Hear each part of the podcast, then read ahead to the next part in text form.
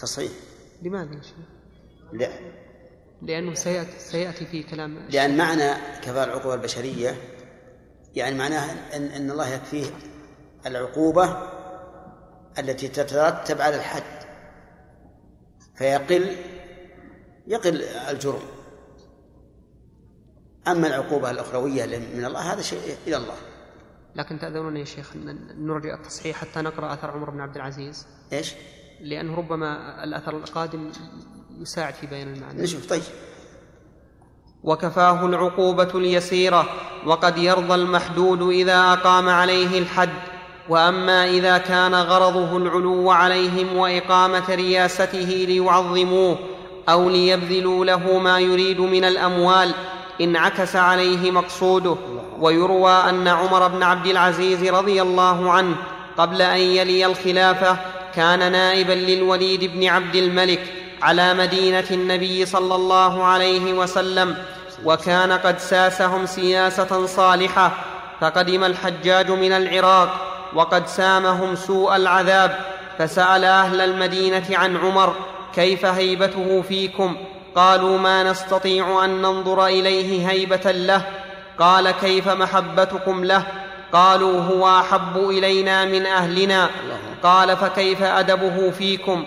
قالوا ما بين الثلاثة الاسواط إلى العشرة. قال هذه هيبته وهذه محبته وهذا أدبه. هذا أمر من السماء. أقول في قوله لا ما ما يدري هذا.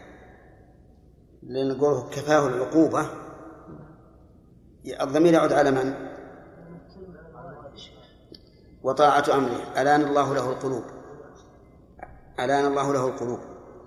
وتيسرت له أسباب الخير وكفاه العقوبة البشرية. كفاه من؟ كيف الوالد؟ كفاه الله. لما قد ألان الله له القلوب. إيه كفى كفى الله الوالي العقوبة البشرية. ما هو بالعقوبة اليسيرة؟ ما يستقيم.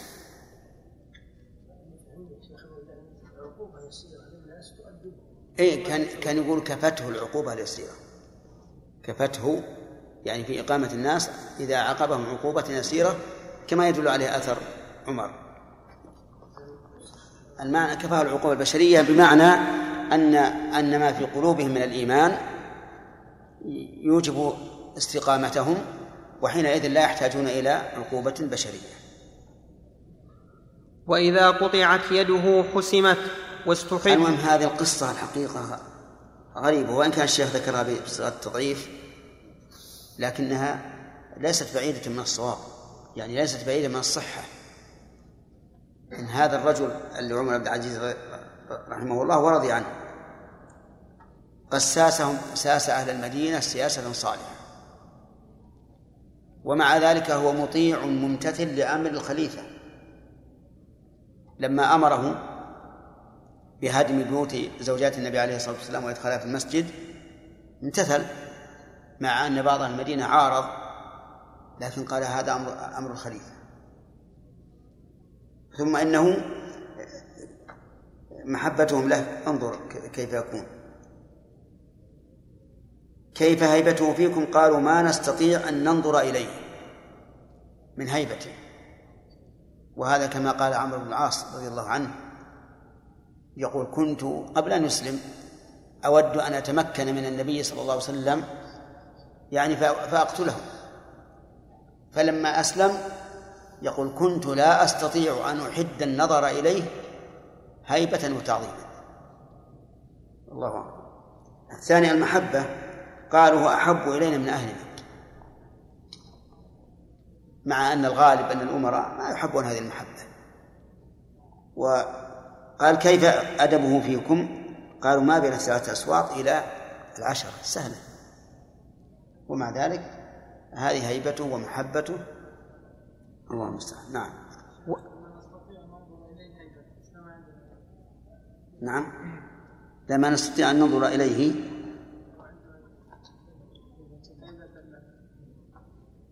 إيه هذه تكميل الله عندك هيبة؟ هو هذا مرادهم لأنه قال كيف هابته فيكم لأن حتى نسخة لا بأس. يعني اجعلوها نسخة وإن كان المعنى واضحا لكن اجعلوها نسخة.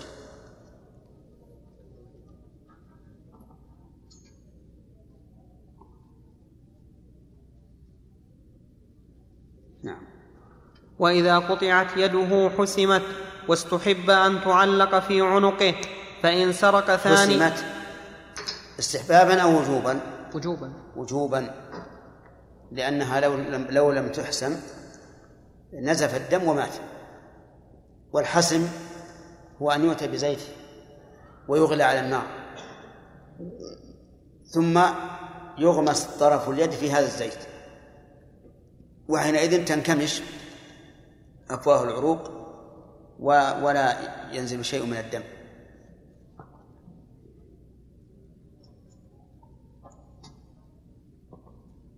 نعم. فإن سرق ثانيا قطعت رجله اليسرى. واستحب أن تعلق في عنقه. إشارة إلى أنه سارق ولم تقطع قصاصا لأنها لو قطعت قصاصا لم تعلق. لكن إذا قطع إذا قطعت للسرقة فإنها تعلق. نعم. فإن سرق ثانيا قطعت رجله اليسرى. فإن سرق ثالثا ورابعا فيه قولان للصحابة ومن بعدهم من العلماء. عندكم فيه ولا ففيه ففيه أحسن لأن جواب الشرط.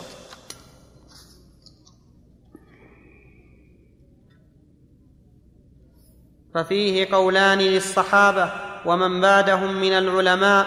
أحدهما تقطع أربعته في الثالثة والرابعة وهو قول أبي بكر رضي الله عنه.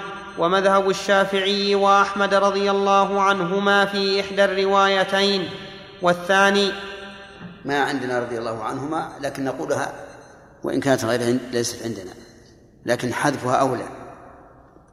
لأنه قال قول أبي بكر رضي الله عنه ثم إذا جاء مذهب الشافعي وأحمد رضي الله عنهما فهم السامع أنهما صحابيان. نعم. طيب خلينا نكمل. والثاني الثاني ولا الثانية؟ لأنه قال أحدهما. في قولان أحدهما والثاني. الثاني؟ الثاني أقول الثاني. طيب.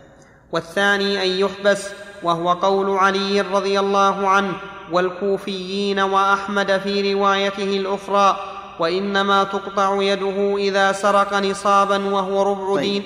الآن المساله فيها قولان. إذا سرق الأو...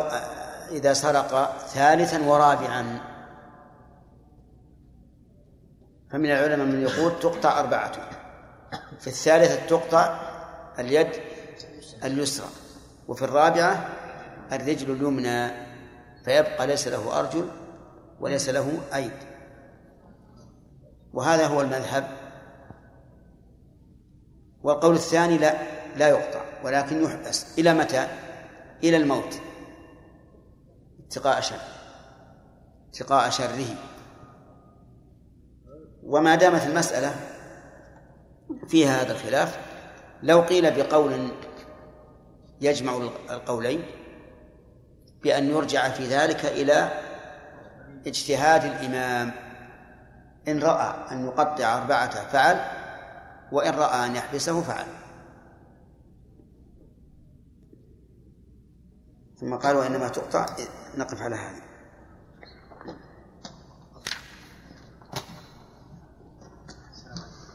السلام عليكم. شيخ من من كان اثنين؟ نسينا نأخذ فوائد النخلة؟ خليها غدا إن شاء الله. بس بالنسبة للنفوس ولا منافع حسية. اي ما يخالف. الخوص كانت تصنع منه النعال عندنا الخوص النعال طيب. بسم الله الرحمن الرحيم. الحمد لله رب العالمين والصلاة والسلام على نبينا محمد وعلى آله وصحبه أجمعين. قال شيخ الإسلام ابن تيمية رحمه الله تعالى في كتابه السياسة الشرعية في إصلاح الراعي والرعية وإنما تقطع يده إذا سرق نصابا وهو ربع دينار أو ثلاثة دراهم عند جمهور أو أو ثلاثة. أو ثلاث نعم. أو ثلاثة دراهم عند جمهور العلماء من أهل الحجاز وأهل الحديث وغيرهم كمالك والشافعي وأحمد وأحمد ومنهم من يقول دينار أو عشرة دراهم فمن سرق ذلك قطع بالاتفاق. وفي الصحيحين عن ابن عمر رضي الله بسم الله الرحمن عنهما الرحيم. اشترط المؤلف رحمه الله لقطع يد السارق أن يسرق نصابا ثم قال وهو ربع دينار أو ثلاثة دراهم. واختلف العلماء هل هما أصلان أو الأصل ربع الدينار. والصواب أن الأصل ربع الدينار وأن ثلاثة الدراهم تقويم وذلك لأن الدينار في عهد النبي صلى الله عليه وعلى آله وسلم قيمته اثنا عشر درهما. فيكون ربع الدينار ثلاثة دراهم لكن قد تختلف القيمة بازدي- بازدياد أو نقصان فالصواب أن الرجوع إلى ربع دينار. والدينار الإسلامي مثقال من الذهب مثقال من الذهب والمثقال أربعة غرامات وربع.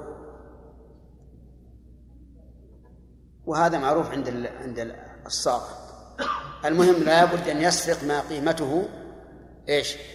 ربع دينار أي ربع دينار من الذهب. فإن سرق دون ذلك فلا قطع عليه ولو كان يساوي ثلاث دراهم إذا جعلنا الأصل هو ربع الدينار طيب إذا جعلنا الأصل ثلاث دراهم يقطع إذا سرق ما يساوي ثلاث دراهم وثمن دي وثمن دينار صح؟ أو لا؟ لا إذا جعلنا الدراهم أصلا وربع وربع الدينار أصلا. وقطع ما يساوي ثلاثة دراهم. وثمن دينار. سرق يقطع لا يقطع؟ ما في إشكال هذا. أقول ما في أشكال هذا. كيف تشكل عليكم سرق ما يساوي ثلاث دراهم. لكنه لا يساوي ربع دينار. يساوي ثمن دينار. يقطع أو لا؟ إذا جعلنا الدراهم أصلا. أما إذا قلنا إن الأصل ربع الدينار ربع الدينار فسرق ما يساوي ثلاثة دراهم ولا يساوي ربع الدينار فإنه لا يقطع هذا القول الثاني هو الصحيح. إن العبرة بربع الدينار. وقد اعترضت الزنادقة على هذا الحكم. قالوا كيف تكون قيمة اليد إذا قطعت خمسمائة دينار؟ يعني نصف الدية وتقطع بربع دينار. فأجاب العلماء عن ذلك بجوابين. الجواب الأول أنها لما كانت أمينة كانت ثمينة. لما كانت أمينة كانت ثمينة.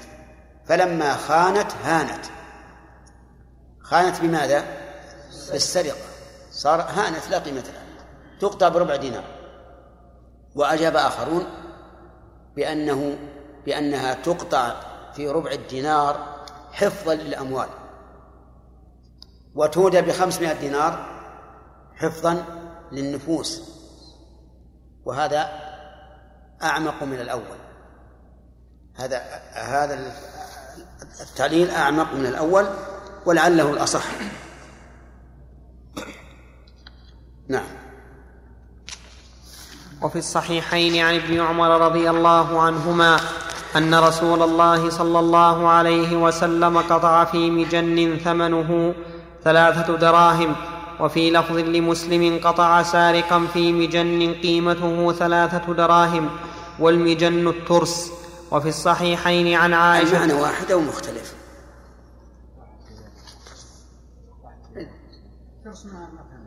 الترس اللي يتوقبه الإنسان الرماح. المجن. لكن هذا ما هو موجود الآن. كان في الأول لما كان يضربون يتقاتلون بالسهام والرماح يتخذ المقاتل إذا رأى إنسان صوب عليه رمحا أو سهما قال به هكذا يتقي به الفرق بين القيمة والثمن. الثمن ما وقع عليه العقد والقيمة ما يساوي بين الناس. فإذا اشتريت قلما بدرهمين وهو يساوي في السوق خمسة دراهم. فما هي القيمة؟ خمسة دراهم. والثمن درهمان لأنه هو الذي وقع عليه العقد. ولهذا أحيانا تكون يكون الثمن بقدر القيمة وأحيانا يكون أقل وأحيانا يكون أكثر. فإذا اشتريت ما يساوي ثلاثة بثلاثة فهذه القيمة والثمن واحد. وإذا اشتريت ما يساوي ثلاثة بأربعة الثمن أعلى. أو ما يساوي أربعة بثلاثة فالقيمة أعلى. طيب. فالظاهر أن الحديث ثمنه أو قيمته الحكم واحد لأنه اشتري بما يساوي. نعم. وفي الصحيحين عن عائشة رضي الله عنها قالت قال النبي صلى الله عليه وسلم تقطع اليد في ربع دينار فصاعدا. وفي رواية لمسلم لا تقطع لا تقطع يد السارق إلا في ربع دينار فصاعدا. وفي رواية للبخاري قال اقطعوا في ربع دينار ولا تقطعوا فيما هو أدنى من ذلك. وكان ربع الدينار يومئذ ثلاثة دراهم والدينار اثني عشر درهما. وهذا رواية البخاري ورواية مسلم كلها صريحة أنه لا يقطع إلا في ربع الدينار وأن ربع الدينار هو الأصل. نعم جاء الأسئلة؟ ثلاثة دراهم منصوص عليها في حديث مسلم. نعم. يقول في مجلد ثمنه ثلاثة دراهم نعم. فكيف نجعله مقومه هو أصل؟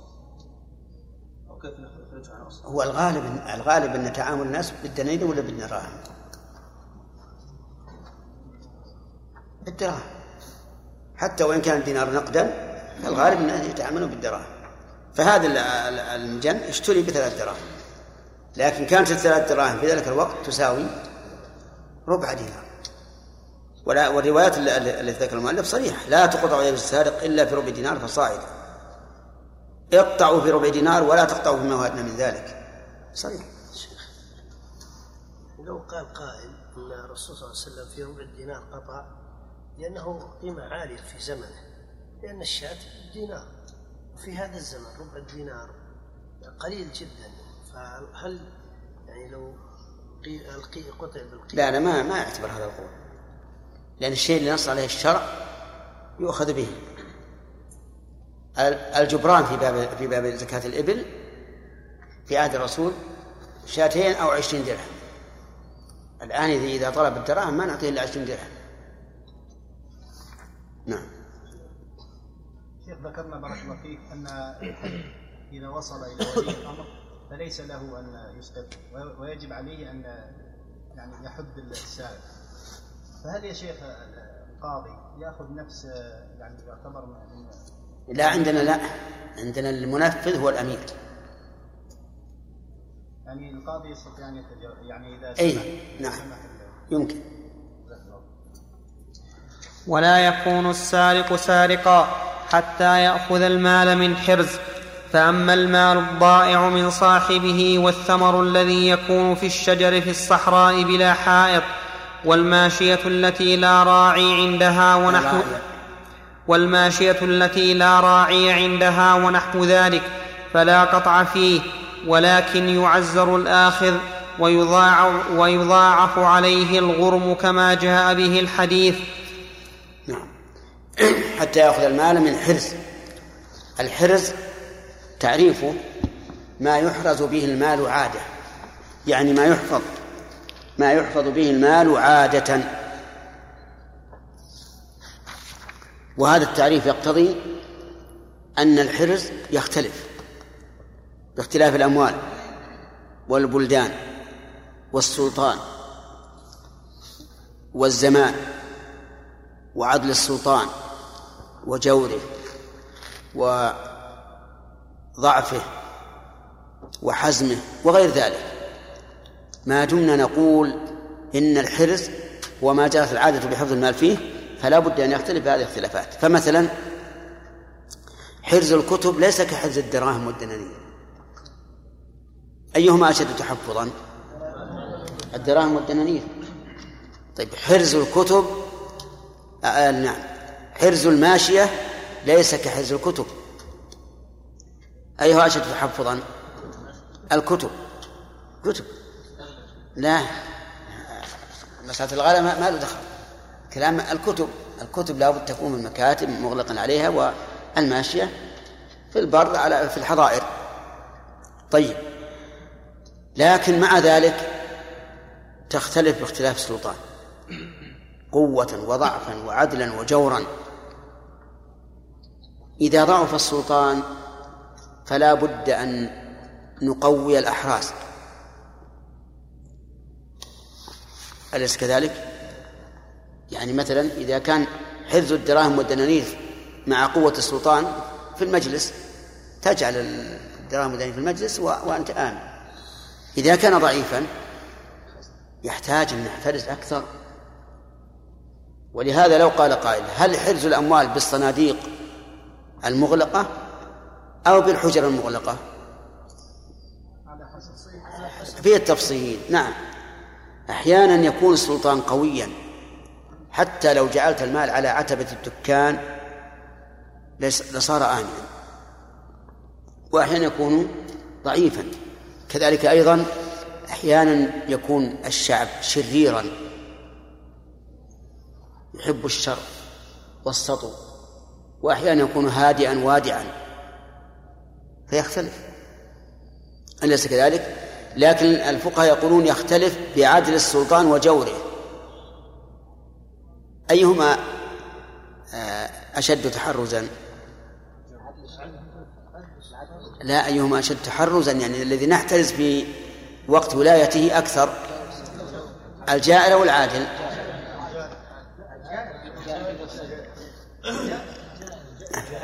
لا إله إلا الله. الجائر نحترز أكثر أو العادل؟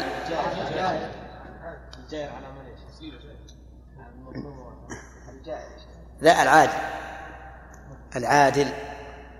لأن الجائر ربما يجور فيظلم وربما يجور فيمنع قطع لأن منع الحد الشرعي جور لا شك. لكن العادل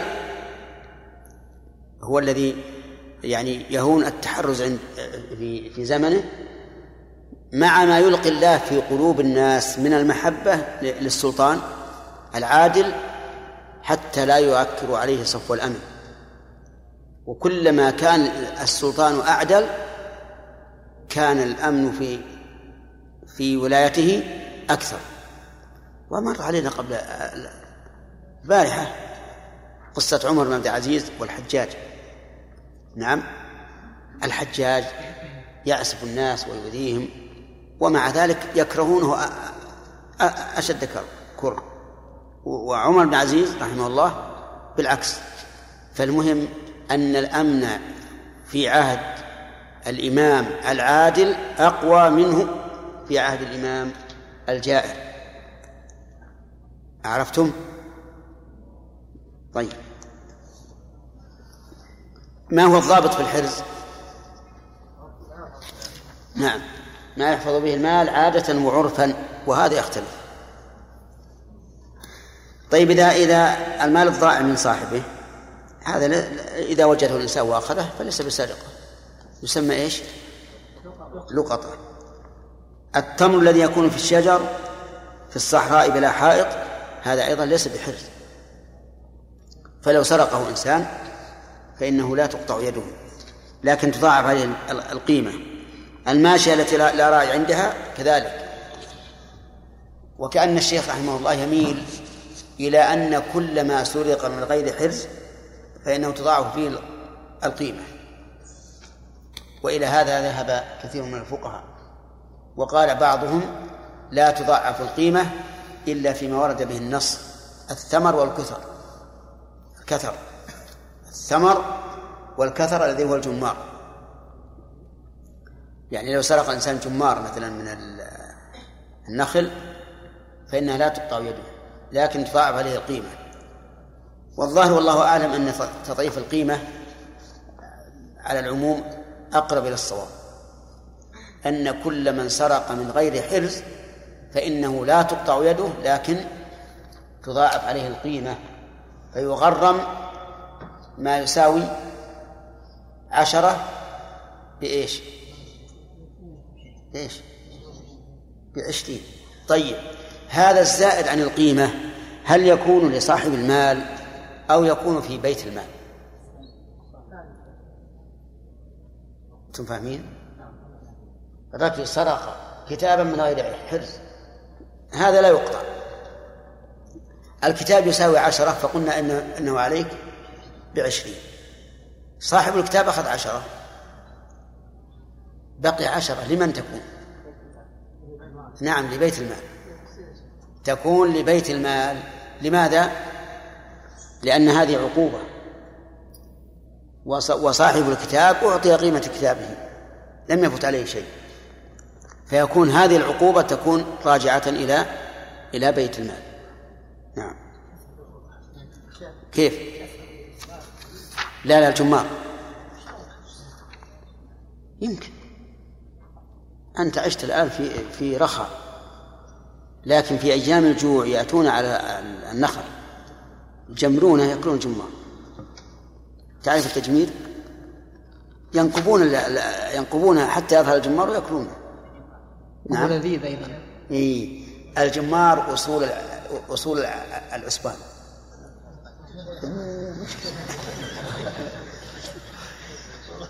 طيب أنت شفت الحائط هذا؟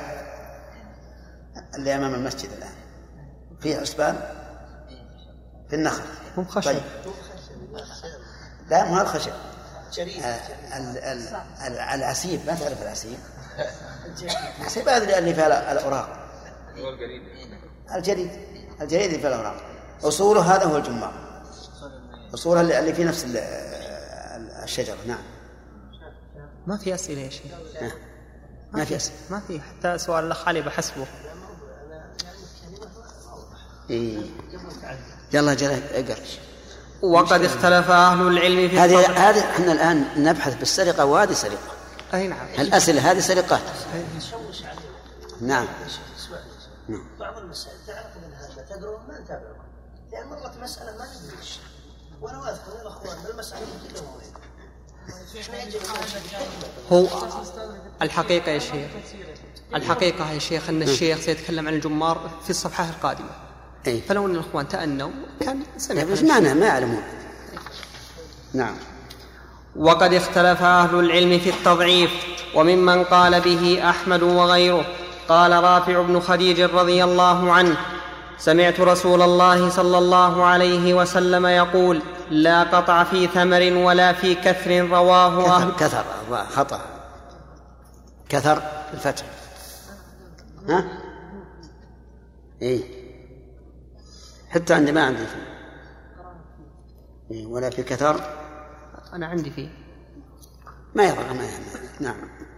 سمعت رسول الله صلى الله عليه وسلم يقول لا قطع في ثمر ولا في كثر رواه أهل السنن والكثر جمار النخل.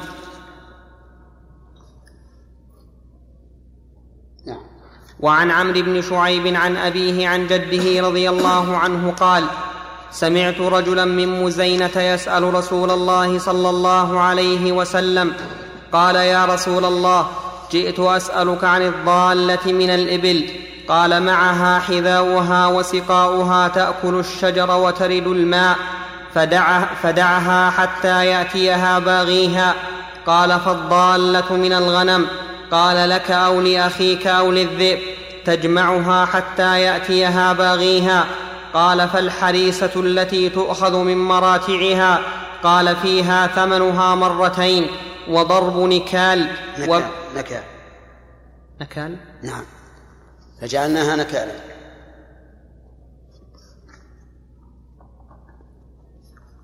وضرب نكال وما أخذ من عطنه ففيه القطع إذا بلغ ما يؤخذ من ذلك ثمن المجن. قال يا رسول الله فالثمار وما أخذ منها من أكمامها. قال من أخذ منها بفمه ولم يتخذ خبنة فليس عليه شيء ومن احتمل فعليه ثمنه مرتين. وضرب نكال وما أخذ من أجرانه ففيه القطع إذا بلغ ما يؤخذ من ذلك ثمن المجن وما لم يبلغ ثمن المجن ففيه غرامة مثليه وجلدات نكال رواه أهل السنن لكن هذا سياق النسائي ولذلك قال النبي صلى الله عليه وسلم ليس على المنتهب ولا على المختلس ولا على الخائن قطع فالمنتهب الذي ينهب الشيء والناس ينظرون والمختلس الذي يجتذب الشيء فيعلم به قبل أخذه وأما الطرار وهو البطاط الذي وأما الطرار وهو البطاط الذي يبط الجيوب. واما وأما الطرار وهو وأما الطرار وهو البطاط الذي يبط الجيوب والمناديل والأكمام ونحوها فإنه يقطع على الصحيح. هذا الحديث فيه قد يكون فيه شيء من ما مما يحتاج للتوضيح. لا قطع في ثمن ولا كثر. عرفتموها. الكثر الثمن معروف. والكثر جمار النخل. أما الحديث الذي سأل الرجل من مزينة رسول الله صلى الله عليه وسلم فقد سأله عن أشياء. خلاص نخلي الدرس القادم إن شاء الله. كنا وقفنا على حديث عمرو بن شعيب عن أبيه عن جده وقد قرأه القارئ وفيه نتكلم الآن على ما فيه من فوائد. جئت أسألك عن الضالة من الإبل. يعني ماذا أصنع فيها؟ والضالة هي التي ضل صاحبها وضاعت منه. قال معها حذاؤها وسقاؤها تأكل الشجر وتلد الماء فدعها حتى يأتيها باغيها. يعني طالبها حذاؤها خفها سقاؤها بطنها. ولذلك الإبل تعزب تشرب الماء وتروى ثم تبقى كم يا سليم؟ تأخذ خمس أيام في أيام الصيف.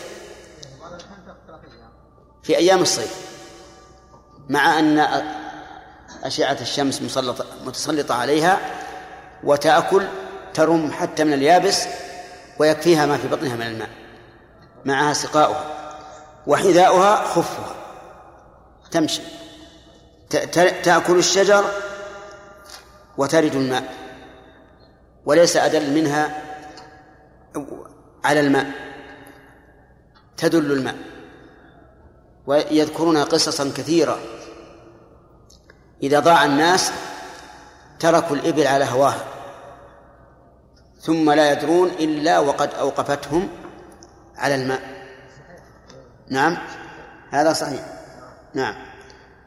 والقصة المشهورة من أهل بلد ذهبوا وضاعوا. ضاعوا في في الدهنة أظن. ولحقهم العطش. فبعضهم ألهمه الله عز وجل. فربط نفسه على رحل البعير وتركها. والبعير مشت حتى وصلت الماء. وأغمي عليه.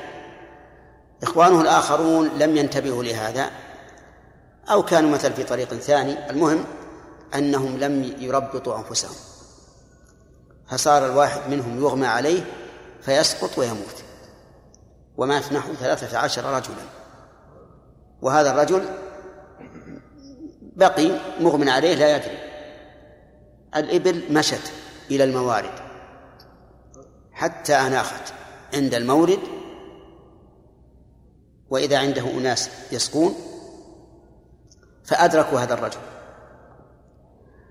فقال لهم أدركوا أصحابي. إنهم ورائي. فذهبوا إليهم فوجدوهم قد ماتوا. الشاهد من هذا أن الإبل دلت الماء ولهذا قال النبي عليه الصلاة والسلام ترد الماء. فدعها وهذا أمر للوجوب. فلا يحل للإنسان أن يأخذ ضالة الإبل. واستثنى بعض العلماء من ذلك ما لم يخف عليها. كما لو كانت في أرض فيها قطاع طريق ورأى أن الأسلم أن يأخذها ويبحث عن صاحبها. قالوا فهذا ففي هذه الحال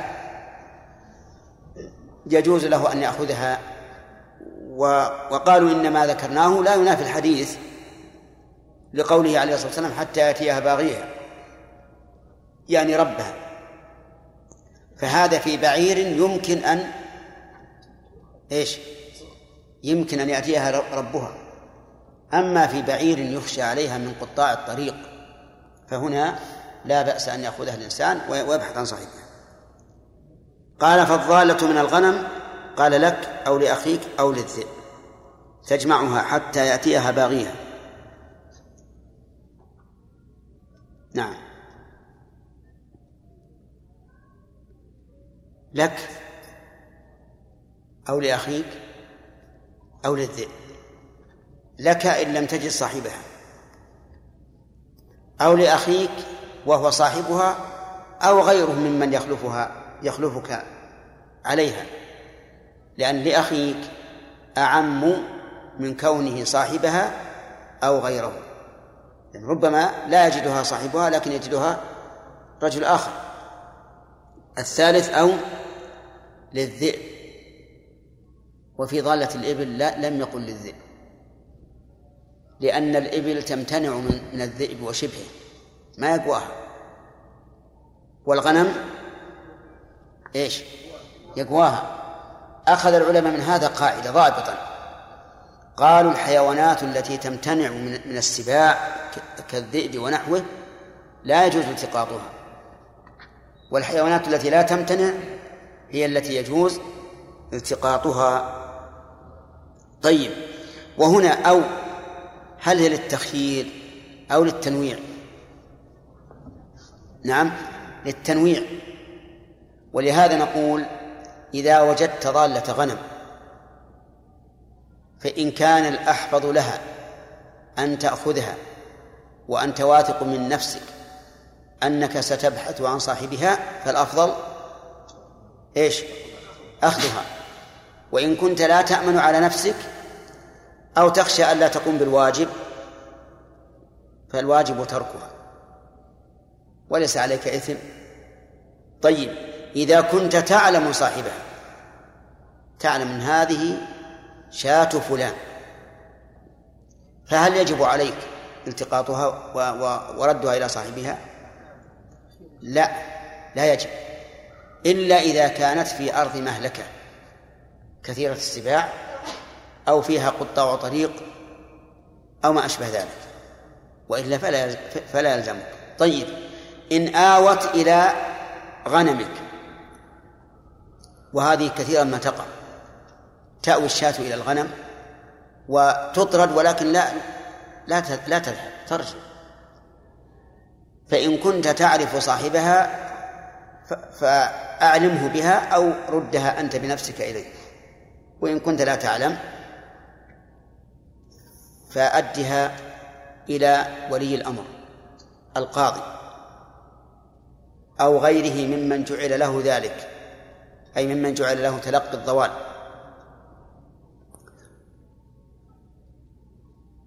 طيب إذا قال قائل أخذت أخذها الذي وجدها وقلنا عرفها سنة في هذه المدة هل يبيعها؟ صلي ركعتين يا أخ. صلي ركعتين تحية المسجد. القبلة على على يمينك. القبلة على اليمين شوفها نعم. آه، أقول إذا قلنا إنه أخذها ليبحث عن صاحبها فهل يبيعها أو يبقيها؟ ينظر في هذا. إن كان يخشى أن تكون أن يكون الإنفاق عليها كثيرا يستهلك قيمتها أو أو أو قريبا منها فالأولى إيش؟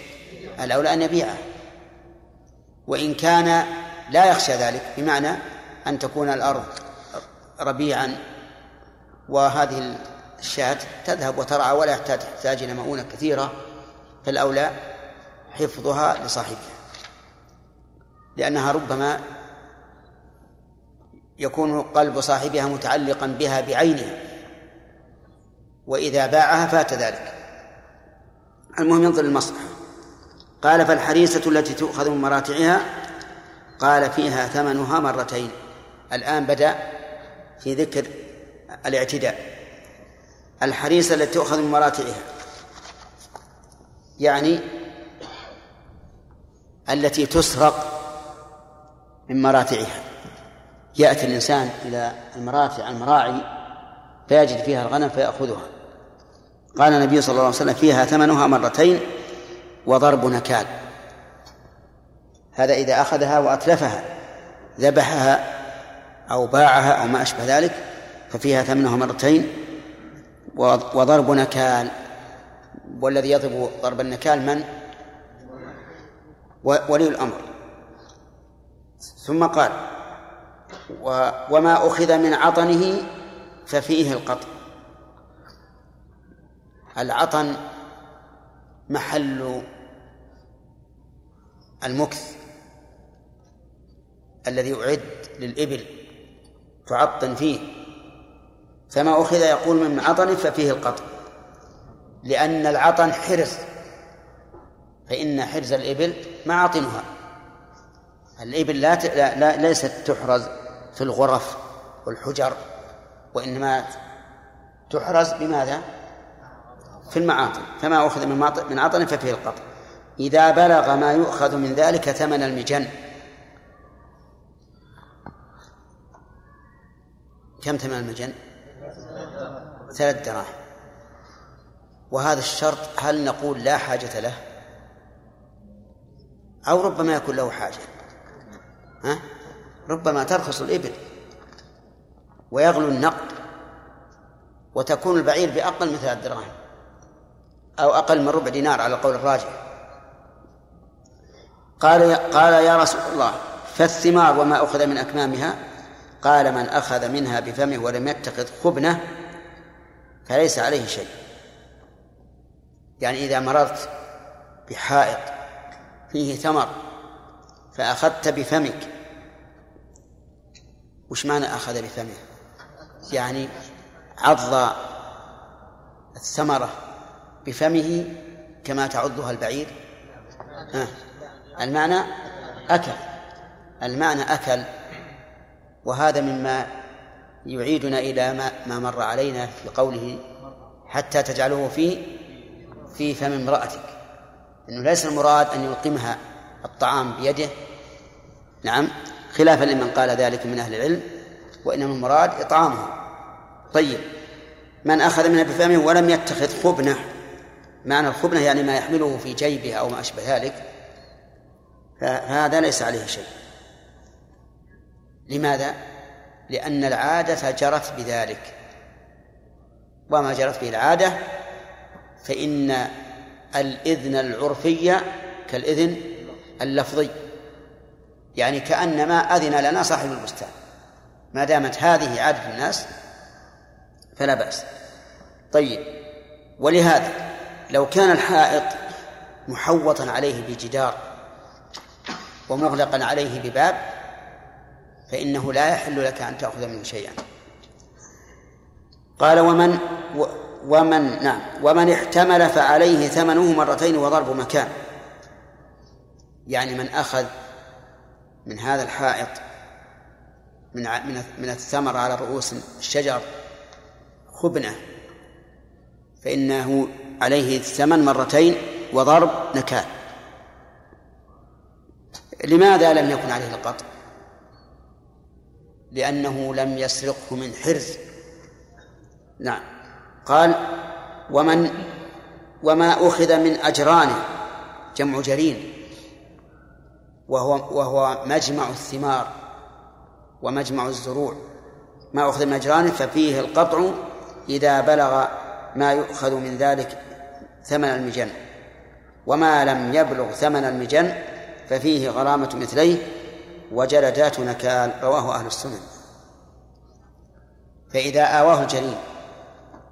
ووضع التمر بالجرين ثم جاء إنسان وأخذ منه فإنه يقطع إذا بلغ ما أخذ ثمن المجن فإن كان دون ثمن المجن المجن ففيه القيمة مرتين والنكال آه، تعرفون الجرين؟ إيه؟ ماذا يسمى عندكم؟ ها؟ مجران؟ مجران طيب. قريب من من كلام قريب من اللغة العربية ها؟ يسمى البيدر. البيدر هو الجريم نعم. يعني مش كانوا إذا جذوا النخل. تمر. وضعوه في مكان في مكان محرز من أجل أن ييبس. حتى لا يفسد إذا إذا إذا كان إذا كنزوه وهو رطب فسد فيجعلونه في الشمس حتى ييبس هذا يسمى البيدر ويسمى الجرين. نعم. المهم إنه إذا أوى إذا كان بعد أن أواه الجرين فإنه يقطع لأنه أخذه من حرز إذا بلغ النصاب فإن لم يبلغ النصاب ضعف عليه الغرم ولا ولا قطع. رواه أهل السنن. نعم. رواه البخاري. ايهم هذا الحديث. لا. ما رواه البخاري. نعم. حتى قال رواه البخاري في المجلد الأول صفحة 168 باب العلم باب الغضب في الموعد. إيه. أنا رجعت إليه يا شيخ في البخاري. نعم. آه، ذكر الأطراف المعروفة. احفظ عفاصها ووكاءها. إيه هي. بس. اللقطة هذا صحيح. حديث زيد بن خالد أي معروف نعم. نعم. النخل في الشوارع محمد بن شيء. أنا سمعت أن أن المسؤولين يسمحون فيه إذا أخذه على وجه ينتفع به لكن يأكل ولا يحمل في بعض القصص ترد يعني يذكرها بعض الشيوخ فيقول يعني يقصوها على الناس يعني العام يقول ان هناك رجل يعني كان يسير في الطريق وهو جائع فمر ببستان وهناك يعني ف- فلم ياكلها حتى فاكلها وهو جائع. فذهب إلى صاحب يعني أخذ يسير حتى دخل البستان من الناحية الأخرى فهو يستأذنه. يعني على تورعا منه يعني. فقال له لن لن يعني اسامحك حتى أزوجك ابنتي إلى آخر القصة ان كنت تعرفها. لا ما أعرف. طيب المهم يعني إيه. كمل ها. ال- كمل ها. قال لن أسمع أسامحك حتى تزوج بنتي حتى لا ناخذ الدرس ما يخالف فيها فائدة. فالمهم قال هي عمياء ويعني يقول هل قال بشرط هي عمياء وصم وصماء يعني و- وبكماء قال ربك معنا نعم. ها. أنا أعرف ما عندي سبب لهذه القصة. هي كل- والله أنا والله أنها كلها من آه، يعني صار بيخليه يفك من هال- هالبنت المهم تزوجها. ها. يعني تزوجها وهي عمياء. عمياء. هو رضي يعني قال خلاص يعني حتى يسامحني إيه. يقول هكذا. إيه نعم. فالمهم بعد ما تزوجها وجدها يعني صالح سليم. صار سليم. شلون؟ وجدها ما فيها شيء. اي طيب. ما فيها شيء. ها. عرفا يعني صار طيب. فالمهم إن هي آه، فلما أتت آه، فلما يعني رأى هكذا قال كيف؟ يقول آه، أبوك. هكذا. فقالت يعني إني عمياء لا أرى إلا يعني إلا خير. أرى الباطل. ها عمياء عن الباطل. عمياء عن الباطل. ها. وصماء استهدي فلانة و يعني إلا للخير. نعم إلا الخير نعم. و ذكمة ما لا أتكلم إلا بخير. نعم. فالمهم هذه القصة يريد يعني بعض. وما شابه ذلك يعني في بعض القصص قصص كثيرة يقولون يا شيخ يعني وش العبرة من هذه؟ العبرة؟ الشاهد يعني قولكم يا شيخ آه، قولكم أن الرجل يمر إذا مر على بستان كيف هذا؟ إيه لكن ربما لا تحصل لك هذه القضية يا محمد. يمكن ما تحصل لك هذه. أقول لا تأكل رجاء أن يحصل لك هذه المرأة. شيخ ما هو مقصد ذلك؟ المقصد في بعض الناس يقول تورعا أنا بعض الناس يعني يتورع ان يملا يملأ يعني قلمه من ذوات اخيه يقول تورعا هذا ورع بارد يسميه الطيب يعني نريد يعني الإمام أحمد سئل عن هذه سئل عن الرجل يكون إلى جنب إلى جنبه أخوه فهل يستأذنه في أن يغط قلمه في محبرته؟ فقال إن هذا ورع مظلم. ورع مظلم. يعني ليس محمودا لأن هذا جرت به العادة وجاءته امرأة في يوم من الأيام فقالت له يا أبا عبد الله إن السلطان يمر بنا. وإن غزلنا يزداد بسبب ما معه من, الأنوار. أفيحل لنا ذلك؟ فقال نعم. ليس في هذا بأس فلما آه، انصرفت سأل الإمام أحمد من إلى جنبه من هذه؟ قال هذه أخت إبراهيم بن أدهم. فدعاها فقال لها لا تفعلي فإنه من بيتكم خرج الورع. فأفتاها غير فتواها الأولى. نعم. غير فتوى. لأن الفتوى قد تختلف بحسب المستفتي. لكن بشرط أن لا تتعدى حدود الله. وهذا الذي حصل من أبي عبد الله رحمه الله أحمد بن حنبل ربما نقيس عليه مسألة سأل عنها بعض الطلاب بعد انصرافنا من صلاة الجمعة الماضية حين تكلمنا على الغش فقال أرأيت لو سمعت أحد الطلبة يلقن أخاه الجواب؟ سمعته سماعا ولم أقصد الإنصات إليه ولا الاستماع إليه. لكني عرفت أنه صواب. فهل يجوز أن أضعه في جوابي؟ أو لا يجوز؟ ما يجوز. نعم. ما يجوز. ما يجوز. نعم. لأن الزمن لأن الزمن زمن للجواب لا للتلقي. لا لا ما ما ما, ما وقف. يقول ما استمعت إليه. اي ولو. ولا حاولت الاستماع.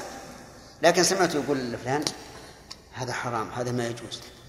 بس كلمة ما يجوز أو حرام؟ ما يجوز.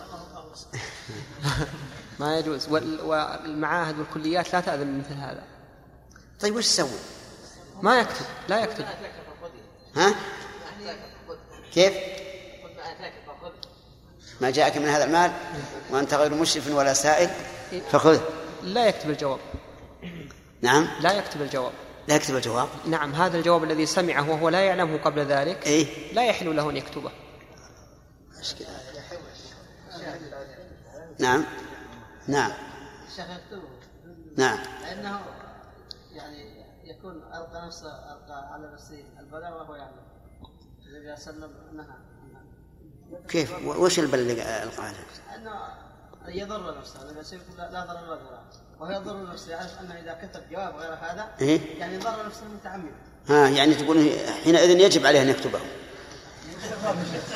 لأن الشيخ لأنه يعني عرف شيء وعرف أنه حق يعني ناقض نفسه نعم. يقول يا شيخ إذا كان أنه يعرف الجواب أو مذاكر أو يكتب يعني ممكن يتذكر اخر الوقت إذا كان انه ما قرأ هذا. والله أما أنا أنا قلت له هذا رزق ساقه الله إليك. إيه يكتب. لأنه الحقيقة ما قصد هذا. لو قصد أو قام يستمع لعله يسمع أحد يغشش أحد صحيح. لكن شيء سمعه لا يكتبه. لو ألهم إياه إلهاما بعد هذا طيب. ومثل ما قال الخالي يعني ربما يؤخذ من قوله فإنما أطعمه الله وسقاه. يسر الله له من هنا يوصل إلى هذا. هنا مسألة يا شيخ. نعم. لو أن اثنان اثنين يتسران. نعم. فسمعتهما من غير قصد منك. نعم. هل يحل لك أن تنشر هذا السر؟ هذا سرهم هم. ها؟ هذا سرهم هم. أي نعم. وهذا جو جوابهم هم. لا لا ما ما ما بسر. هذا وده يمكن كل الطلبة يسمعون ينتفعون. يجب يعلم عليهم أي نعم. يجب. ينتفع منهما ويعلم عليهما إي نعم. اذا لأن هذا هذا منكر الغش. اذا الآن شوف الإمام أحمد رحمه الله قال لهذه لا بأس فيما زاد في في زيادة الغزل لمرور السلطان. لكن يا شيخ لو ان يجب يجب يعلم عليهم وينقله إي. ما تناقض هذا الشيء؟ ما تناقض كيف يجب؟ يقول لا الأجل ما تعودون لهذا الشيء. وهو ينقل وينقل ما لكن يا شيخ لو ثبت أن إدارة المدرسة ما تأذن ولا المدرس على كل هذا شيء شيء بينه وبين الله. يقول أنا سمعت ما لم أستمع إليه ولا قصدت. إيه؟ لكن لو سأل المدرس. ولكن ذكروني. لكن لو سأل المدرس قال له أنت تأذن مثل هذا؟ قال لا والله ما أذن لك. ولو قال حتى لو قال المدرس أنا أنا أبكت. جاب الله لي.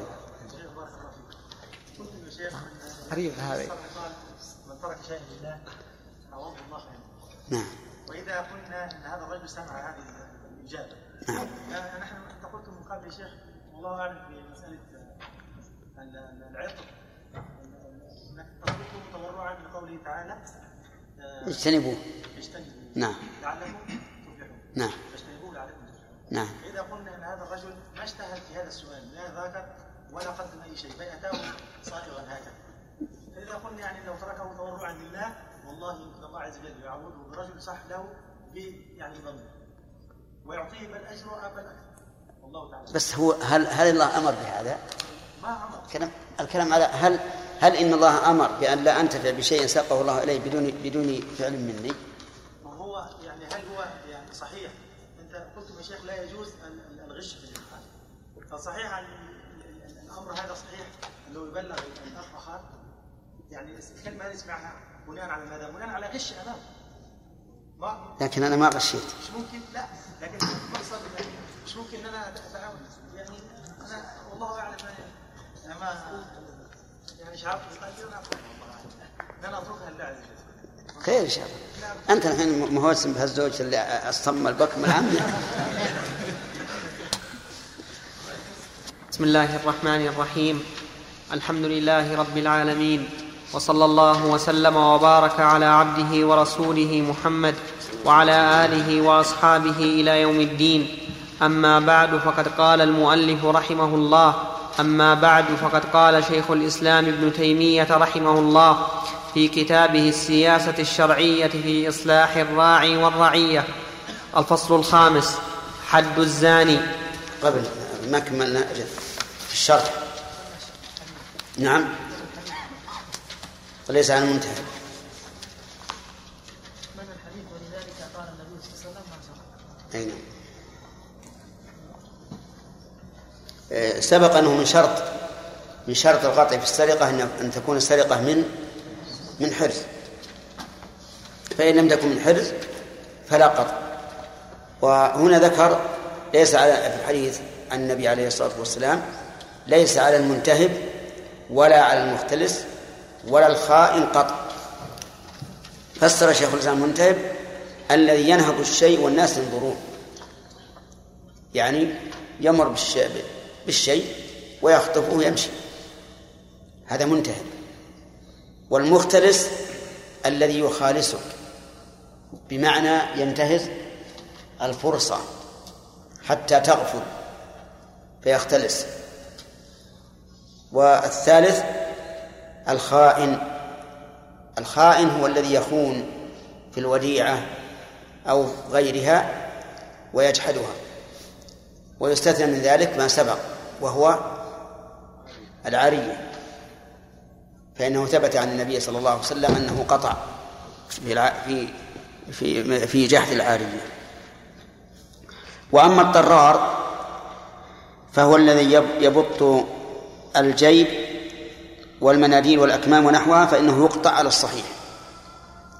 هذا يسمى طرار. يأتي مثل على الجيب نسميه إحنا المخبات أظن نعم يبطها في آه، مبراة أو شيء ويأخذ الذي فيه. هذا يقطع على الصحيح. وكذلك أيضا يبط الأكمام. كيف يبط الأكمام؟ كان الناس فيما سبق لهم أكمام تتدلى. يسمى عندنا في اللغة العامية المردن المردن. يعني حوالي نصف ذراع عرضه وطوله يمكن حول المتر. ينتفع به الفلاحون. فتجد الرجل مفتوح الكم واسع وفيه هذه الخرقة تدلى تسمى ردنا كان الناس ونحن شاهدناهم يضعون في هذا الكم يضعون فيه الدراهم ويضعون فيه السكر والشاهي يصرونه. إن كان الناس بالأول السكر والشاهي ما بيشترون بالكيس والكرتون. يشترون يعني باليد ياخذ صاحب الدكان باليد يقول مال اليد هذه بكذا وكذا ويضعه في في الردن هذا ويصر وكذلك السكر. نعم. فإذا كان الإنسان قد وضع دراهمه في هذا الكم وربطه وجاء إنسان بطه وأخذ فإنه يقطع على القول الصحيح. لأن هذا سرق من حرز وأي حرز أبلغ من كون الشيء مع صاحبه. وقد حفظه حيث عقد عليه العقدة. فيقطع. وقوله على الصحيح يفهم منه أن هناك قولا آخر أنه لا يقطع ولكن الصحيح أنه يقطع. لأن الحرز كما سبق ما جرت العادة بإيش؟ بحفظ المال فيه. نعم. قال رحمه الله تعالى الفصل الخامس حد الزاني وأما الزاني فإن كان محصنا فإنه يرجم بالحجارة الزاني لم يعرفه المؤلف. وكذلك أظن السارق لم يعرفه ونحن عرفنا السارق. الذي يأخذ المال ها؟ خفيه الزاني هو الذي يفعل الفاحشة في قبل أو دبر من ادمي هذا الزاني. يفعل الفاحشة في قبل أو دبر من آدمي. وأما الزنا بالبهائم فإنه لا يدخل في هذا الباب وإن كان حراما لكنه لا يدخل في هذا الباب لأن الزاني بالبهيمة يعزر فقط كما سيأتي إن شاء الله في كلام المؤلف إن كان ذكره. نعم. فإن كان محصنا فإنه يرجم بالحجارة حتى يموت. كما رجم النبي صلى الله عليه وسلم ماعز بن مالك الأسلمي ورجم الغامدية ورجم, ورجم اليهوديين ورجم غير هؤلاء ورجم المسلمون بعده. واختلف العلماء هل يجلد قبل الرجم مئة على قولين في مذهب أحمد وغيره. نعم. وقد اختلف. إيه. واختلف لا بأس. منه وإن كان غير محصن فإنه يجلد مئة فإنه يجلد مئة جلدة بكتاب الله ويغرب عاما بسنة رسول الله صلى الله عليه وسلم. وإن كان بعض العلماء لا يرى وجوب التغرب. تغريب. نعم. وإن كان بعض العلماء لا يرى وجوب التغريب. ولا يقام عليه الحد حتى يشهد عليه والصحيح وجوب التغريب لأنه ثبت به السنة ولأن فيه مصلحة. فإن الزاني إذا غرب إلى بلد آخر غير بلده فإنه لا بد أن ينكس تنكسر نفسه. ولا يكون عنده ذلك المرح الذي كان في بلده. وأيضا إذا غرب ابتعد عن محل الفاحشة. فربما ينساها. وبناء على هذا التعليل يجب أن يغرب إلى بلد أبعد من الفاحشة من بلده. فمثلا لا يغرب إلى بلد تفعل فيه الفواحش ولا أحد ينهى ولا أحد يأمر. فإن تعذر ذلك فقيل يسقط التغريب وقيل يحبس لمدة سنة. وهذا هو الأصح. إنه يحبس لمدة سنة حفظا على على نفسه واصلاحا لحاله.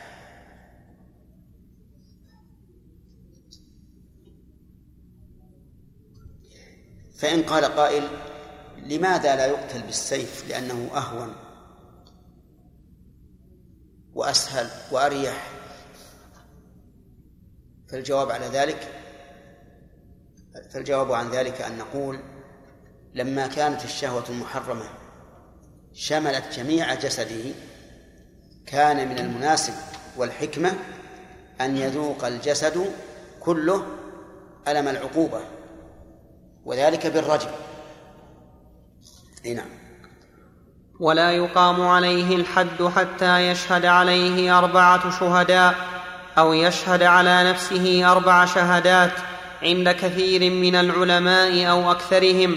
ومنهم من يكتفي بشهادته على نفسه مرة واحدة.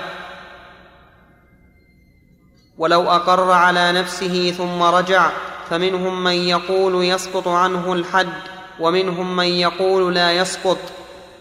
الشيخ رحمه الله في هذه الخلافات لا يرجح كما هو كما هو مشاهد أمامكم الآن. ولكن نقول إذا إذا شهد على نفسه مرة واحدة فإنه يقام عليه الحد.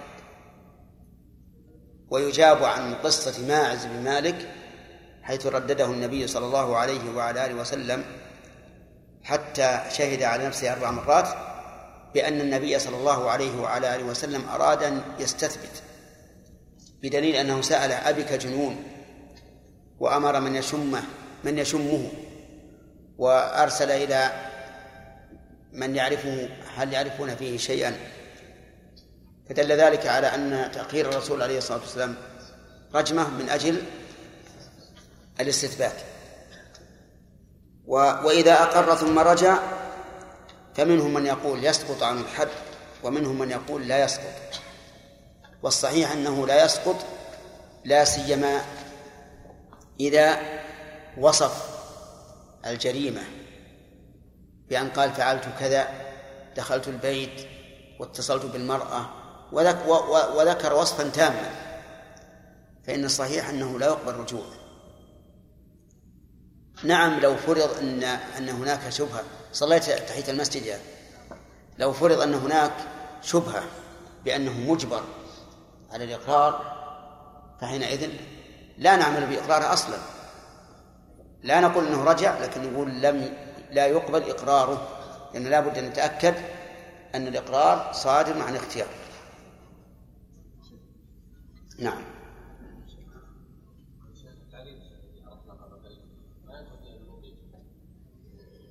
سيأتينا.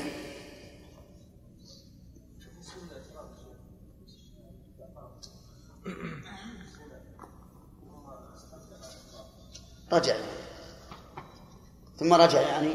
هذا كلام المؤلف. يقول من العلماء من يقول يسقط عنه الحد ومنهم من يقول لا يسقط. نعم. خالد؟ الحكمة التي ذكرناها في نعم. موجودة في غير غير المحصن نعم. ومع هذا لما الزاني غير المحصن لم يجب عليه القتل حتى نقول يجب أن نسلك الأسهل. لأن القتل إعدام والإعدام يكون بالأسهل وبالأشد. الحكمة يا شيخ تمثل الحكمة في الرجل أنه الشهوة مالت جسمه كله نعم وهذا أيضا موجود في غير المحصن أي نعم وهو موجود في غير المحصن. موجود في غير المحصن لكن غير المحصن. والسؤال الآن لماذا لم نقتله بالسيف؟ لأنه أسهل. نقول لهذا السبب. نعم. والمحصن من وطئ والمحصن من وطئ وهو حر مكلف لمن تزوجها نكاحا صحيحا في قبلها ولو مرة واحدة. وهل يشترط أن تكون الموطوءة مساوية للواطئ في هذه الصفات على قولين للعلماء؟ وهل تحسن, وهل تحسن المراهقة للبالغ؟ وبالعكس فيه نزاع. عندك فيه نزاع؟ عندك؟ عندي. عندك. والله هو الظاهر نكتبه لأن هذا الاستفهام يعني أن فيه نزاع. لكن صحيح العبارة وهل تحسن المراهقة للبالغ؟ فيه نزاع عندك؟ أي نعم عندي فيه نزاع. ذكر المؤلف رحمه الله من هو المحصن والمحصن في كل موضع بحسبه. الإحصان قد يراد به ما ذكر المؤلف وقد يراد به العفيف مثل قوله تعالى والذين يرمون المحصنات ثم لم يأتوا بأربعة شهداء وقد يراد به الحرائر مثل قوله تعالى ومن لم يستطع منكم طولا أن ينكح المحصنات المؤمنات فالمهم أنه يفسر في كل موضع بما يقتضيه السياق. المحصن هنا في باب الزنا يقول من وطئ وهو حر مكلف لمن تزوجها نكاحا صحيحا في قبولها ولو مرة واحدة. الشروط الآن لا بد أن يكون حرا. فإن تزوج وهو عبد رقيق ووطئ ثم طلقها ثم أعتق ثم زنى فهل يكون محصنا؟ ليش؟ لأنه حين النكاح ليس حرا. أيضا مكلف يعني بالغا عاقلا. فإن تزوج قبل البلوغ وجامع ثم طلقها ولم يجامعها بعد البلوغ فإنه ليس بمحصن لا بد أن يكون بالغا. وكذلك لو كان مجنونا تزوج وهو مجنون وجامع زوجته ثم من الله عليه بالعقل ثم زنى بعد ذلك فإنه ليس بمحصن لا يجب عليه الرجل. والثاني نكاحا صحيحا. فلو تبين أن النكاح غير صحيح مثل أن يتبين بعد أن تزوجها وجامعها يتبين أنها أخته من الرضاعة فإنه لا يكون محصنا. لماذا؟ لأن لأن النكاح غير صحيح.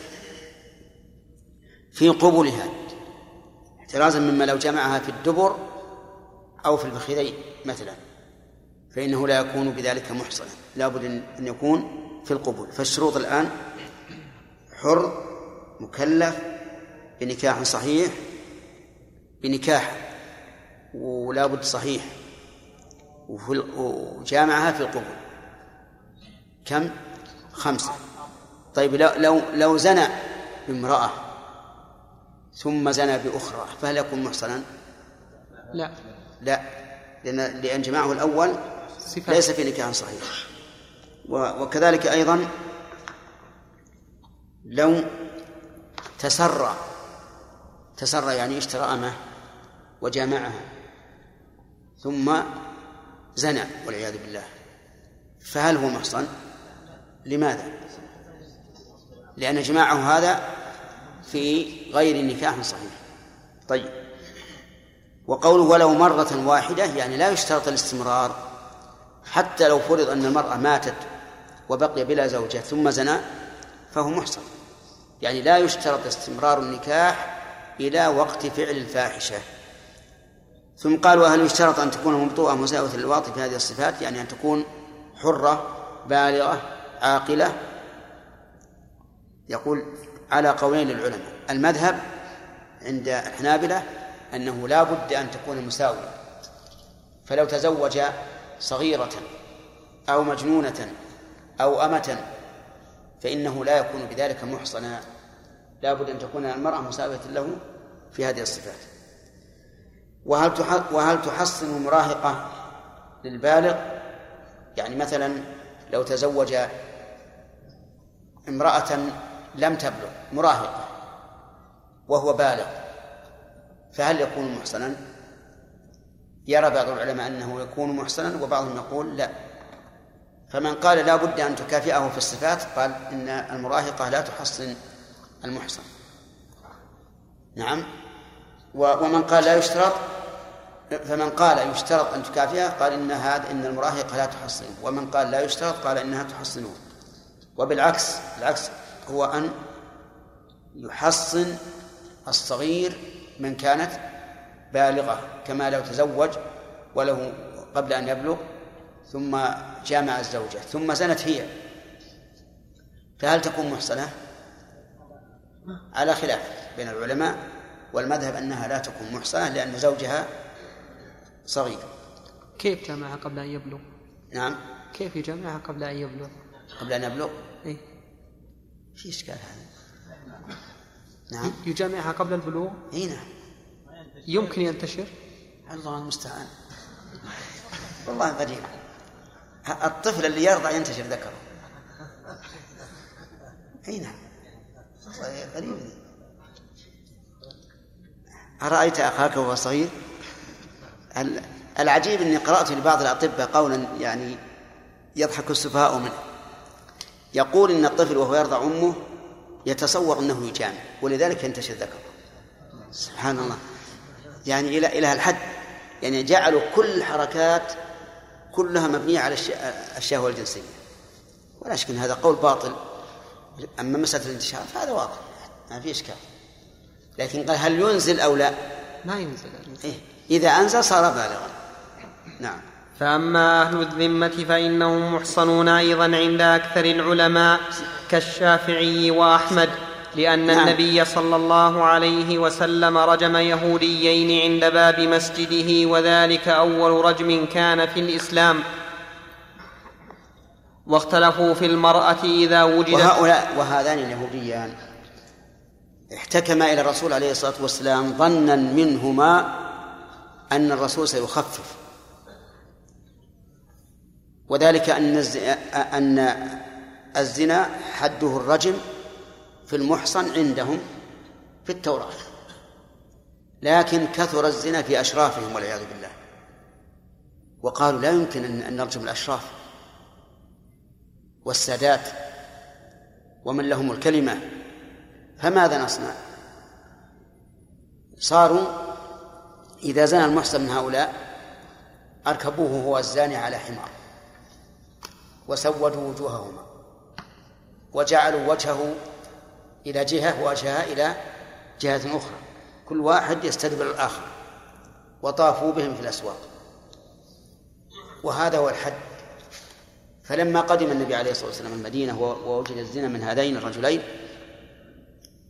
جاءوا إلى الرسول عليه الصلاة والسلام يحتكمون إليه. ظنا منهم أنه سوف يخفف ولكن الرسول عليه الصلاة والسلام أمر برجمهما فقالوا لا نجد الرجم في كتابنا.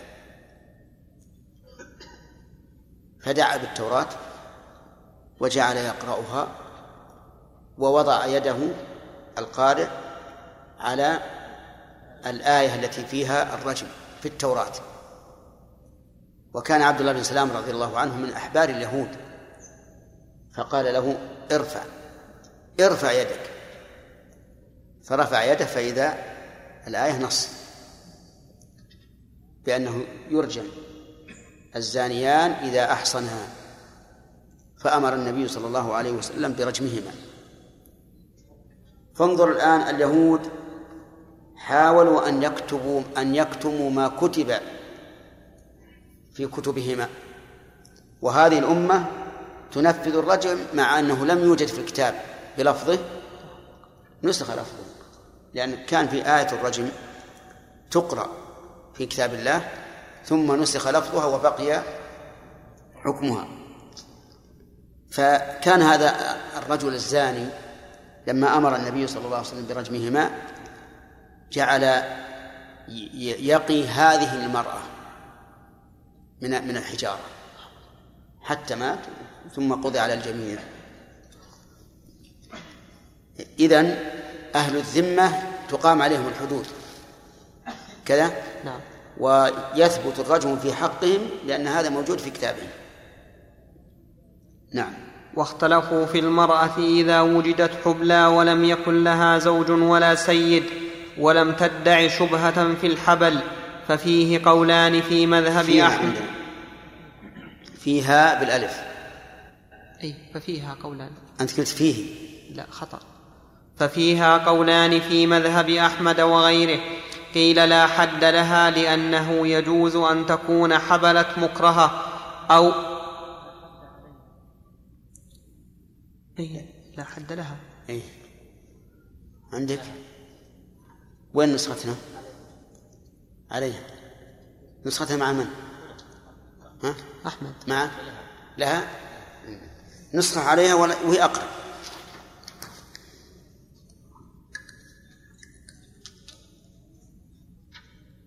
نسخة.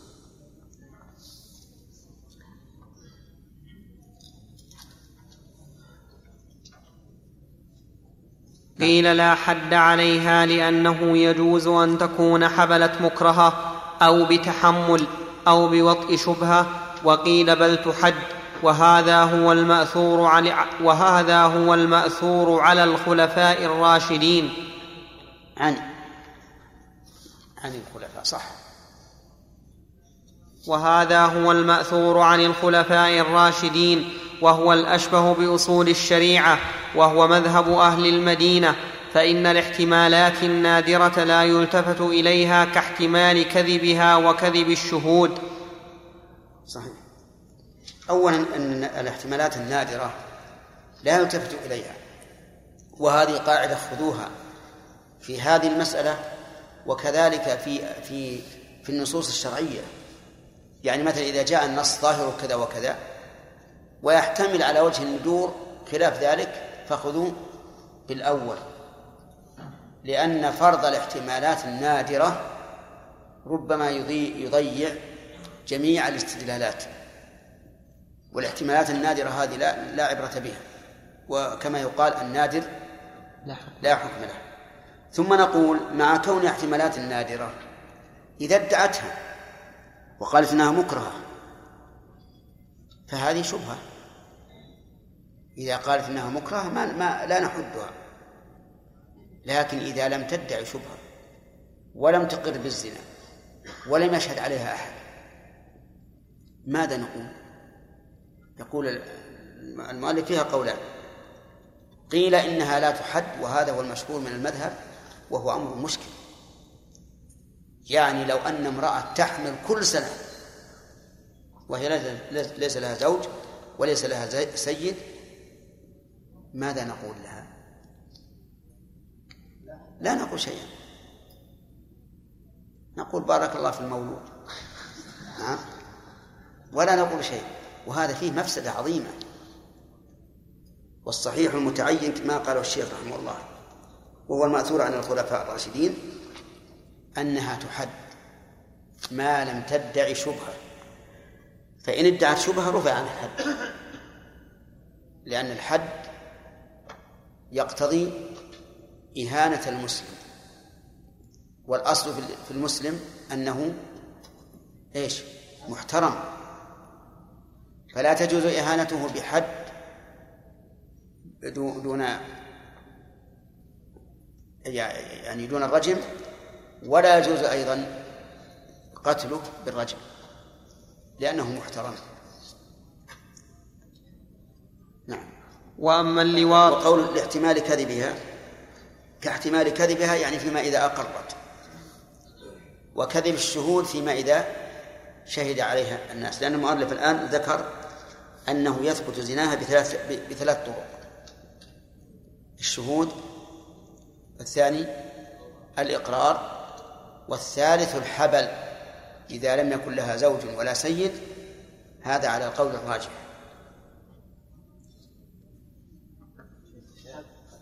انتهى الوقت. نعم.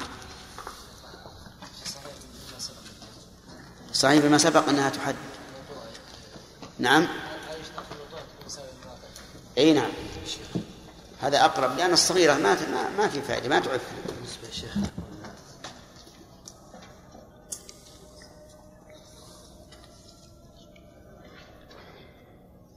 بسم الله الرحمن الرحيم. سأل بعض الأخوة عن درس البارحة قال تحمل يعني لما ذكر رحمه الله أن الحامل إذا لم يكن لها زوج ولا سيد فإنها على القول الراجح يقام عليه الحد إما جلد وتغريب وإما رجم وأن الذين قالوا لا تحد جوزوا أن تكون حبلت مكرهة أو بتحمل. قال ما معنى التحمل؟ التحمل معناه أن المرأة تأخذ المني ثم تدخله في فرجها فتحمل به. هذه. ومعلوم أنه لا يحل للمرأة أن تتحمل بماء غير زوجها. أما ماء زوجها فلا بأس أن تتحمل به لكن بإذنه. وأما الأمة فليس لها أن تتحمل بماء سيدها لأن ذلك قد يضر به لأنها لو حملت وصارت أم ولد عتقت عليه كرها. فهذا هو التحمل. وينبني على ذلك هل يجوز التلقيح الصناعي أو لا؟ نعم. هو على هذا القول يجوز. وبهذا أفتى أظن بعض العلماء. ولكن المحذور كل المحذور في زمننا الآن أنه من الطبيب الموثوق الذي لا يخلط الأنساب؟ هذه المشكلة. ولهذا لا يمكن بالنسبة لي أنا أن أفتي به على سبيل الإطلاق. وأقول إن المرأة إذا إذا لقحت بماء زوجها فإنه لا بأس به لما لما نخشى من مثل هذه الحال. إنه يجي الطبيب ويعطى مثلا دراهم ويأتي بنطفة من غير الزوج ويحملها الزوجة. وقد وجد هذا. لذلك نحن لا نفتي به. وإن كان غيرنا قد يفتي به لكننا لا نفتي به خوفا من هذا المحذور. نعم. وهذه المسألة تطورت. يعني بدأوا الآن- الآن حتى الزوجتين يمكن أن الزوج يقذف في إحداهم إحداهما ثم إذا تكون في البويضة تنقل إلى الزوجة الثانية. المسألة خطيرة الحقيقة. يعني التطور فيها خطير. نعم.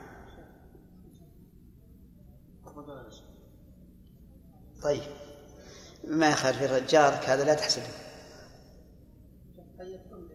نعم. سؤال غيرك يا بن داود قلت يا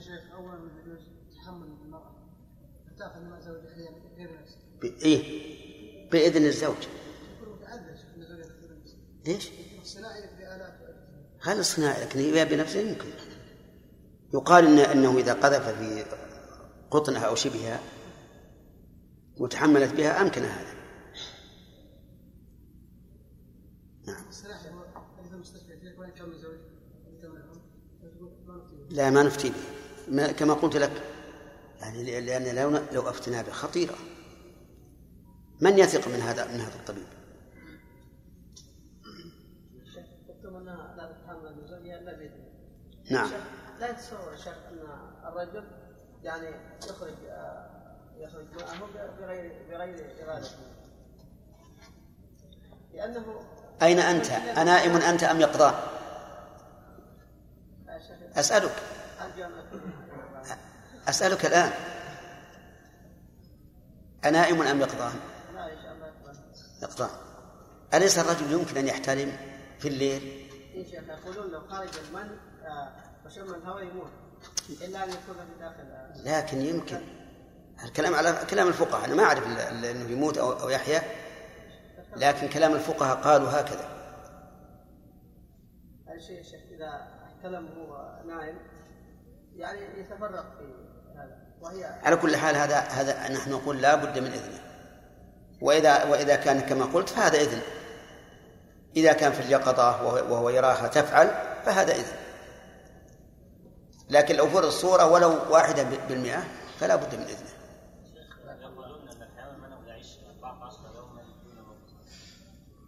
علم أخانا عبد الرحمن. على كل حال هذه مسائل طبية ما نعرفها. لكن كلام الفقهاء قالوا التحمل يكون بمثل ما قلت لكم. سم. بسم الله الرحمن الرحيم. الحمد لله رب العالمين وصلى الله وسلم وبارك على عبده ورسوله محمد وعلى آله وأصحابه إلى يوم الدين. أما بعد فقد قال شيخ الإسلام ابن تيمية رحمه الله تعالى في كتابه السياسة الشرعية في إصلاح الراعي والرعية. وأما اللواط فمن العلماء من يقول حده كحد الزنا وقد قيل دون ذلك. والصحيح الذي اتفقت عليه الصحابة أنه يقتل الاثنان الأعلى والأسفل. ها؟ أن يقتل وأنه لا بأس. طيب المذهب أن حده حد الزنا. قالوا حد اللوط كالزاني. وقيل دون ذلك أي قيل إن فيه التعزير. ورأيت قولا منكرا قال يكفي فيه الرادع الطبعي. الرادع الطبعي يعني على هذا القول لا يعزر الرادع الطبعي يكفي لأن كل إنسان ما يرضى أن يجامع ذكرا وكل ذكر لا يرضى أن يجامعه ذكر فيكتفى بهذا